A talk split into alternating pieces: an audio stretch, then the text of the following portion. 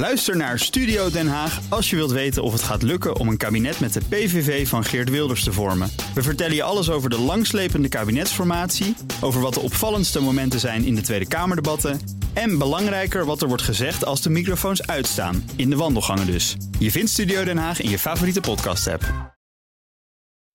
De werktip van de week wordt mede mogelijk gemaakt door Yacht. Pushing Horizons.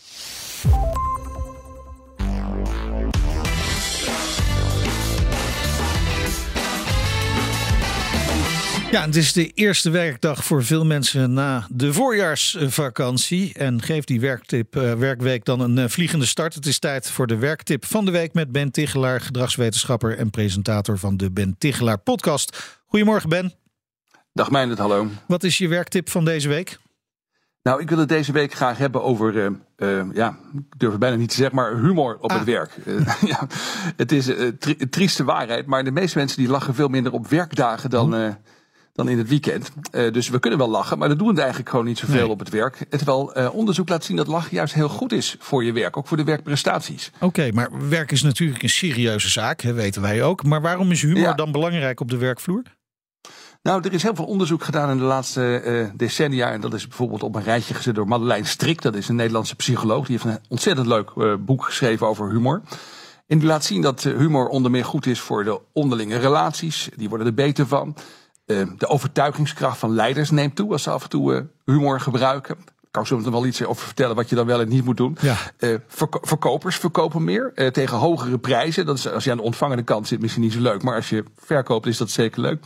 Groepen worden creatiever van het gebruik van humor. Dus er zijn eigenlijk uh, ja, toch wel heel veel voordelen. Oh ja, en ook wel belangrijk, het vermindert de stress en verhoogt de veerkracht. Dus nou, eigenlijk heeft humor alleen maar voordelen. We nou, zouden er gewoon meer mee moeten doen. Ja, we zouden er meer mee moeten doen. Maar moet je wel gevoel ja. voor humor hebben natuurlijk. Om de mensen een beetje te laten lachen. En nu zullen ongetwijfeld een aantal managers in de auto zitten en denken van... Ja, leuk Ben, maar hoe word ik grappig? Ja, nou ja, en even heel eerlijk, dat is een hele gevaarlijke gedachte.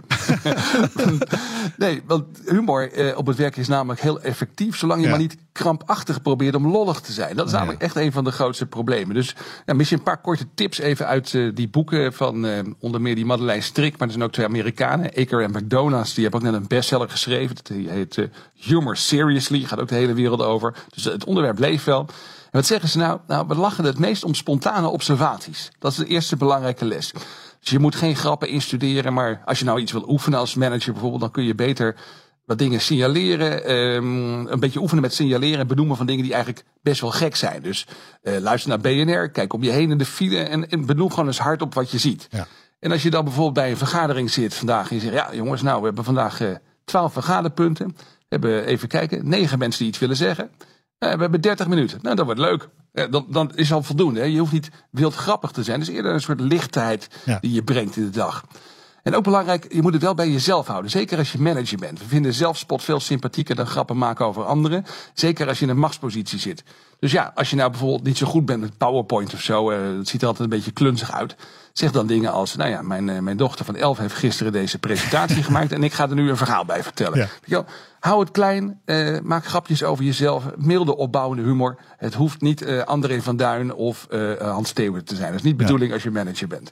Nou, heb ik ben wel eens bij een functioneringsgesprek gehad dat mijn baas zei, ik was toen ook manager, adjunct hoofdredacteur namelijk hier bij BNR, dat ik ja. ook misschien af en toe ietsje minder grappen en gollen kon uithalen. Dat het niet de hele dag hoefde te zijn. Is dat ook nog een, een tip naar de manager dat je ook een beetje moet doseren?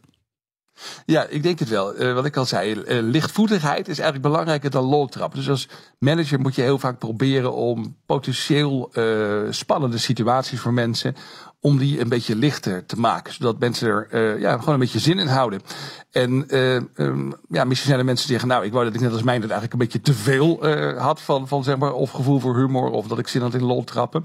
Dan is er misschien een, een kleine bemoediging. Die onderzoekers, die Eker en die McDonald's, die zeggen ook naar hun onderzoek, zeggen, ja, weet je, als het nou gaat om humor, dan ligt de lat in de werkomgeving echt zeldzaam laag. ik vond het ook heel grappig om, oh, om dat, fijn. om dat ja. te, te, lezen. Ja, dus dat is een bemoediging voor veel mensen.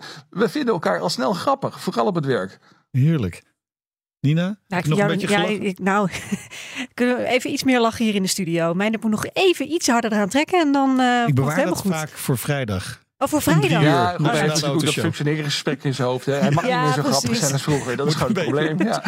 Dankjewel Ben, tot volgende week. Eh, Ben's podcast is te luisteren op bnr.nl of via je favoriete podcast app. Iedere woensdag een nieuwe aflevering. En ik zeg daarbij, een dag niet gelachen is een dag niet gewerkt. De werktip van de week wordt mede mogelijk gemaakt door Yacht. Pushing Horizons. Bij BNR ben je altijd als eerste op de hoogte van het laatste nieuws. Luister dagelijks live via internet. Bas van Werven. En heel langzaam komt de zon op rond dit tijdstip. Je krijgt inzicht in de dag die komt op BNR, het Binnenhof in Nederland en de rest van de wereld. De Ochtendspits. Voor de beste start van je werkdag. Blijf scherp en mis niets.